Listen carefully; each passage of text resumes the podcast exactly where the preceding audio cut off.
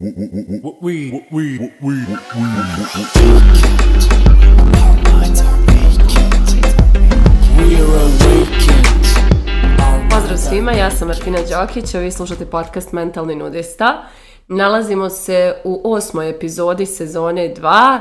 i prolazimo kroz jednu zanimljivu ironiju zvanu Bolesna snimam epizodu o bolestima.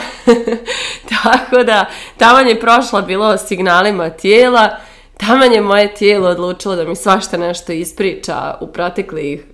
proteklim danima, tako da se još uvijek družimo i svašta nešto saznajem što ima da mi kaže. A taman se desila još jedna zanimljivost i nekad zbog ovakvih pod slučajnosti ja zapravo stvarno shvatim koliko smo vođeni, koliko postoji neka viša inteligencija u stvarima kada samo dozvolimo toj inteligenciji da, da nas vodi, odnosno kada slušamo te svoje unutrašnje glasove koji imaju neke super ideje. Evo o čemu se radi. Naziv ove epizode je Ti nisi tvoja bolest ili ja nisam moja bolest ili mi nismo naša bolest, kako god. Ali ideja je da ispričam u ovoj epizodi malo o tome koliko kada se jednom čovjek razboli od neke bolesti, koliko e, počnu ljudi da ga identifikuju s tim, počne on da se identifikuje s tim i gdje to sve vodi i kakve to sve posljedice ima i po potencijalno ozdravljenje ili potencijalno novo razboljevanje. I sad, šta, o čemu se radi? Ja sam ove teme, ovih epizoda isplanirala brat brat u junu, ja mislim, ja sam negdje napravila sebi draft kada će biti koja epizoda, u, kojoj, u kojem mjesecu ću pričati o čemu. Neke epizode sad dodajem jer sam odlučila da ih imam više, ali neke su tu kao ideja odavno. Jedna od njih je upravo ova i bio je plan znači, da ova epizoda bude sada, znači da u ovoj nedelji bude ova epizoda i da o njoj pričam sada. I Ideja mi je bila da slika koja će pratiti ovu epizodu bude moja slika sa pečatom depresivac, pošto je to bolest koju sam ja imala i s kojom negdje čovjek e, nekad kao se identifikuje ako povjeruje u to da je on ta bolest. I tu je bila ideja da najavim sliku. I evo u ovom trenutku danas, danas je 10.10. 10. dok ja snimam ovu epizodu, znači sutra ona izlazi, danas je dan uh, o svjesnosti o mentalnom zdravlju i ja sam, pošto je to meni važna tema, objavila e, dnevnik svoje depresije, odnosno neke isječke koje sam ja pisala dok sam bila depresivna i cijela poruka toga, sve što sam napisala oko toga, sve što tu piše je tu da podstakne ljude, da dignu svijest o samoj bolesti, da prosto postanu ono informisani, da bolje oslušnu sebe i tako dalje. I ono što se dešava, na primjer na LinkedInu sam to okačila, počela sam da dobijam poruke, utjehe da će mi biti bolje i da se držim i da će proći i da tako dalje. Znači ljudi me i dalje identifikuju kao da sam ja i dalje bolesna, iako na mojim postovima piše da je to pisano prošle godine, iako se ja obraćam sa aspekta nekoga ko priča o tome da je tu da podrži druge u ovome, ljudi se ponašaju kao da ja i dalje patim od toga. I evo koliko je zanimljivo da danas doživim to iskustvo identifikacije mene sa tom bolešću, a baš želim o tome da pričam u ovoj epizodi. Tako da, ja bolje ovo nisam mogla da organizujem, tako da ovo nije bila moja organizacija, ovo je bila viša sila, pa hajde da pričam baš o toj temi. Dakle, u prošloj epizodi govorila sam malo o tome kako naše tijelo priča sa nama, kako nam šalje razne neke signale, kako uh, tom nekom neravnotežom koja se dešava u nama zapravo dolazi do komunikacije između nas i našeg nesvjesnog, odnosno naša duša, naše biće kaže ne, nismo dobri prema sebi, ne poštujemo svoje granice, ne hranimo se zdravo, ne tretiramo sebe dobro, držimo se previše u stresnim okruženjima i tako dalje. Ujedno sam spomenula da je problematika savremene medicine i farmacije ta što liječi posljedicu, odnosno lijekovima zataškavaju tu posljedicu, te signale koje dobijamo, a ne ide se dublje u uzrok um, onoga što je uopšte bolest napravilo. E, dobila sam jedan feedback od jedne drage slušateljke da samo malo obratim pažnju na to da ne pozivam ljude da ne koriste lijekove I želim samo da istaknem da to ne meni nije namjera, jer uh, ja kada sam bila depre, depresivna, na primjer, eto, to je neka bolest kojom sam ja imala izazov, u trenucima kada sam bila jako, jako loše, bila sam spremna da posjegnem za lijekovima, uh, samo da stanem na noge, da nekako isplivam, prosto da prestanem da se davim, pa, pa bih onda pristupila, jeli, rješavanju, preuzela bi stvar u svoje ruke. Tako da, hoću samo i to jeli, da skrenem pažnju, da je važno prvu pomoć upotrijebiti i uh, uhvatiti se nečega što će nam pomoći da bol prođe, da stanemo na noge, da nekako prosto vratimo snagu, da bi mogli da nešto uradimo s tim što se desilo, ali je važno da posle tog koraka svoje zdravlje vratimo u svoje ruke, odnosno shvatimo da smo mi ti koji smo nosioci tog zdravlja i da su naše navike, naše misli, naše emocije, naši obrazci ponašanja ono što gradi naše zdravlje ili ruši, jeli. I s tim u vezi, evo, savršen ovaj, šlagvort za sve što želim da kažem o tome, o toj identifikaciji sa bolešću i to je ono što negdje srećemo svuda oko nas, a mi čak u našem jeziku imamo izraze za to, depresivac, šećeraš, E, ne, srčani bolesnik i tako dalje. I dosta, e, da kažem, ljudi kada se razbole, dodijeli im se titula te bolesti i čovjek polako počne da srasta s tom bolešću i da se osjeća kao da su oni ta bolest jedno, odnosno da ta bolest definiše to što on jeste. I to jeste tač, tačno u nekom smislu. Logično kada smo bolesni, pogotovo kada smo jako bolesni, mi e, prosto nemamo drugi fokus do te bolesti i ona obuzme sve što mi radimo, sve što mi jesmo, svi naši potencijali su zarobljeni tom bolešću, ali jako je nezgodno da i onda kada uspijemo da se iskobeljamo iz nje, mi nastavimo da živimo tu identifikaciju sa bolešću. Pa tako osoba koja se izleči od depresije nastavi da vjeruje, na primjer, da je depresivac i samim tim kao da iščekuje naredni put kada će ponovo ta bolest da se desi, osoba koja je šećeraš, na primjer, ono što je već opšte poznato ko želi da istraži i provjeri ta ispitivanja jeste da je, da, je, da diabetes posljedica životnog stila i može da se izliječi, ali ne lijekovima isključivo, nego potpunom promjenom životnog stila, e, izlaganja stresu, svog mentalnog sklopa, svojih ponašanja i slično. I osoba koja boluje od diabetesa ne mora zauvijek da bude ni diabetičar, znači ne mora zauvijek da živi tu bolest, može samo da uzme informacije koje je ta bolest donijela, odnosno e, signale koje je ta bolest poslala, nauči nešto iz njih, primjeni stečeno znanje i nastavi svoj život ne vraćajući se više u ideju da je, o, da je šećeraš, diabetičar ili kako god isto stoji sa depresijom, isto stoji sa mnogim drugim bolestima i dosta ljudi, kao što rekoh, jednom kad se razboli, kada ih jednom trgne neka teška bolest, uh, uglavnom kao da ostanu um, zarobljeni u ideji da su oni ti koji pate od te bolesti. I razumem, to je traumatično iskustvo jako je negdje prirodno da se identifikujemo sa bolešću, ali isto, istovremeno ta vrsta uh, identifikacije, ako nastavimo da je živimo, i te kako će tu bolest iskreirati ponovo. Odnosno, i te kako će uticati na, na kraju krajeva stanje našeg stresa, našeg razmišljanja, našeg percipiranja sebe, svog imuniteta, svog zdravlja. Znači, živjet ćemo stalno u nekom stresu, u nekoj nesigurnosti, u nekom iščekivanju kad će ponovo to da se desi. Ako to prevedemo na nauku, ta vrsta emocija kreiraće u nama povišen kortizol, povišen, e, ne znam, insulin i svašta nešto, prosto e, dolazit će do hemijskih reakcija u našem tijelu koje su disbalansirane, koje su neki način toksične za naš organizam, to će obarati naš imunni sistem, samim tim ćemo, da kažem, e,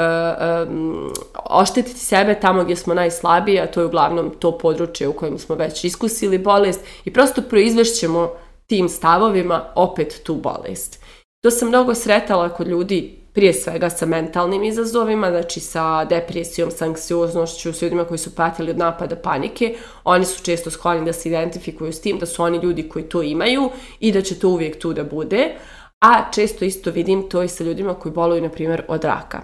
ili su bolovali od raka, koliko, um, koliko provedu um, ostatak života Uh, držeći fige da nisu ponovo bolesti. Znači kao da, kao, kao da se više nikad ne puste do kraja u život, jer stalno nad njima visi ta sjenka da je pitanje trenutka kada će to ponovo da se desi i to je jako stresan život, to je na neki način poluživot, zato što mi konstantno živimo u realnosti u kojoj smo mi možda bolesni. E, poznajem i suprotne primere, poznajem jednog predivnog momka kog mnogo volim i koji često sluša ovaj podcast, koji je bolovao od raka i koji je to uzeo kao informaciju šta treba da mijenja u svom životu, kao neko preusmjerenje ka nekoj većoj misiji i nikad više se nije vratio na tu temu. Znači, cijelio se, nastavio svoj život, napravio jedan predivan život i e, njega kad pitate kao ono, kad će, jel se brine, jel ovo kao, pa ne, to je gotovo. Mislim, to, to, to nije više tema. I to je ono što je fenomenalno vidjeti kada neko e, razumije tu svoju bolest, zašto se desila, kako, e, kakvu informaciju ili ka, ka, kakav je neki resurs donijela, koliko god to sad možda čudno zvučalo, uzme iz te bolesti sve što može da uzme, sva znanja, sve, sve promjene koje ta bolest treba da donese – i nastavi dalje svoj život kao nova osoba, na neki način razvijenija osoba koja je na višem nivou, zahvaljujući tome što je prošla. E sad, znam da nije lako zauzeti taj stav, znam da nije jednostavno e, na taj način pristupiti životu, ali je moguće i e, to je možda da kažem koliko god težak, težak način da se pristupi tim stvarima toliko i najpovoljniji mogući jer to je jedini način da sebi vratimo slobodu i da sebi vratimo identitet zdrave osobe. Jako je nezgodno da jednom bolešću mi zauvijek sebi izgubimo identitet zdrave osobe. Znači to je, to je nešto što je kobno za naše zdravlje i kao što rekoh, ako se jednom identifikujemo s tim da smo bolesnik u nečemu i živimo ostatak života vjerujući smo mi bolesni, ili osoba koja je bolešljiva ili neko ko je sklon toj toj bolesti, mi zapravo živimo identitet te bolesti, mi živimo uvjerenja osobe koja ima tu bolest, mi živimo navike osobe koja proizvodi tu bolest, mi živimo strahove osobe koja ima tu bolest i na kraju krajeva mi živimo tu bolest. Čak i kad nije fizički prisutna, mi nju živimo. Jer ako je ona u našim mislima, mi nju već živimo. Ako je ta bolest u našim emocijama, mi nju već živimo. Tako da mi time sebi oduzimamo realnost u kojoj mi možemo biti potpuno zdrava osoba i samim tim u našim mislima nismo zdravi, u našim stavovima nismo zdravi, u našim osjećanjima nismo zdravi i samim tim nismo zdravi. E, još jedna važna stvar je ne samo kako mi sebe tretiramo, nego kako nas i drugi tretiraju, odnosno na koji način mi tretiramo neke druge ljude koji su bolovali od neke bolesti. I tu se vraćamo na primjer mene i ove priče moje o depresiji, i mene automatski veliki broj ljudi počinje tretirati kao da sam i dalje depresivna osoba, što mene na neki način, da kažem, uznemirava zato što ne osjećam se više bolesnom, čak što više mislim da sam naučila mnogo iz toga što se desilo i pokupila resurse iz, iz tog događaja. Mene je moja depresija naučila gdje sve sebe ne poštujem, koje sve svoje granice gazim, eh, na koji način sam sve uh, E, neki gomilu stvari u svom životu držala i trpela zato što sam mislila da moram, jer sam se bojala da ću nekog ili nešto da izgubim i prosto kada je depresija došla i pomračila me i uzela mi sve, svu volju i sve strahove, ja sam shvatila i svu energiju, ja sam shvatila šta to meni najviše troši energiju, šta mi je daje i šta je sve to u mom životu na uštrb moje tolerancije i dobila sam priliku da dosta toga promijenim. Tako da ovaj, ja sam iz svoje bolesti pokupila resurse i ne dopada mi se kad me neko i dalje tretira kao da sam ja i dalje bolesna ili, ili ne znam, krhkog zdravlja, ja se čak osjećam jačom nego što sam bila prije toga. I onda je i tu važno da obratimo pažnju da li mi osobu tretiramo kao bolesnika, iako je ta osoba potrudila se da ozdravi, izašla iz te, iz te bolesti, stala na svoje noge i pokušava prosto nastavi život, da ostavi to iza sebe, a mi se prema njoj obhodimo kao da je i dalje ono, na staklenim nogama i samo je pitanje vremena kad će da se sruši. Prosto, i mi onda hranimo toj osobi, to jest, e, klimamo njenu realnost da je zdrava. Znači, ta osoba treba jako mnogo snage i volje da izgradi sad novu verziju sebe u kojoj je zdrava, a mi svojim nekim ponašanjima i stavovima i pristupima mi njoj rušimo tu realnost koju se ona toliko trudi da izgradi. I tu je isto važno da obratimo pažnju i da budemo pažljivi prema tome kako tretiramo ljudi koji su prošli kroz nešto. Da ih prosto ne tretiramo kao bolesnike ako su dali sve od sebe i dobro se potrudili da ozdrave. Tako da, uh, zato je ta identifikacija s bolešću nešto što je zapravo e, velika prepreka na putu ozdravljenja i nešto što zauvijek može da zapravo oduzme nama mogućnost da ikad ozdravimo i da ikad više budemo neko ko živi svoj puni potencijal ili živi puni potencijal svog tijela. I tim svojim strahovima e, vezanim za bolest koju smo imali, koja nam je bila traumatična, tim svojim stresom oko toga da li će se to ponovo desiti, mi svom tijelu blokiramo potencijale da bude zdravo, mi svom tijelu oduzimamo mogućnost bukvalno da, da, da cvjeta, da se razvija, da napreduje i zapravo blokiramo njegovu prirodnu inteligenciju iscijeljenja. Jer vi kad se posjećate, ako vi to pustite, to samo zaraste. Zato što se ne opterećujemo time, jeli? To će samo zarasti mi znamo, vjerujemo da hoće. Ali kada bismo se pitali previše da li će zarasti, stalno se brinuli da li će to da se desi, taj proces bi se usporio jer prosto u našem organizmu bi postojale hemijske reakcije i disbalansi koji bi sprečavali taj prirodni proces isciljenja. E tako, ja znam da mi ne možemo da imamo toliko povjerenja u svoje tijelo, mislim neki mogu, neki ne, jasno mi je da smo se jako odvojili od tog odnosa povjerenja sa svojim tijelom i vjere u njegove sposobnosti i moći, ali jedan ozbiljan korak je da pokušamo da iscijelimo ideju da smo mi osoba koja boluje od nečega. Prosto da pokušamo radom na svom mentalnom i emocionalnom zdravlju da iskreiramo sebi identitet zdrave osobe i da njega njegujemo, a onda će se naše tijelo to da isprati, jeli? I kao što sam spominjala i u prošloj epizodi, evo i u ovoj ću, postoje ljudi koji su fenomenalni u tome, naučnici koji su o tome napravili uh, uh, ono gigantska istraživanja i tako je sve logično i jasno i premoćno i kao što rekao Joe Dispenza placebo ste vi je doslovno biblija zdravlja čovjek je doktor koji je radio godine istraživanja povezivao um i tijelo i misli i emocije i sve i objasnio i na sobstvenom primjeru koliku moć tijelo ima kada sa svojim umom podržimo to svoje tijelo E, Bruce Lipton, takođe doktor, e, genetski biolog, njegova knjiga Biologija vjerovanja, fenomenalna, tako da možemo sebe da podržimo izlaskom iz tih identiteta tako što ćemo se edukovati, razvijati nove perspektive, otkrivati nove, nove naučne dokaze o tome koliko zapravo je naše prirodno stanje da budemo zdravi, ali mora nekad i naša glava da nam to dozvoli, jer često upravo naša glava to ne dozvoljava. I ovo se takođe odnosi na neke sitnice. Um, da li se uvijek e, baš svakog oktobra razbolimo, da li smo mi uvijek ti koji ćemo dobiti upalu, ne znam, evo žene mokraćno, mokraćnih puteva ako slučajno zagaze prstom u hladnu vodu, da li, e, evo, menstrualni bolovi, da li ćemo baš uvijek da ih imamo i to je program i to je obrazac i znam mnoge, ljudi, mnoge žene koje su taj obrazac iscijelile kad su u svojoj glavi to prevazišle. Tako da, um,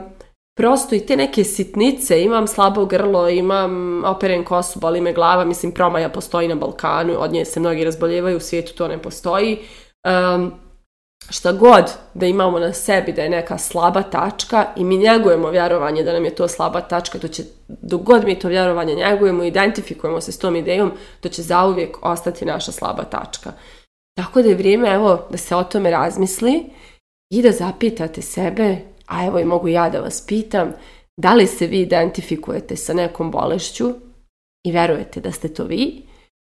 ili ste ipak u identitetu zdra, potpuno zdrave osobe. Mislite o tome, a mi se družimo u narednoj epizodi. Are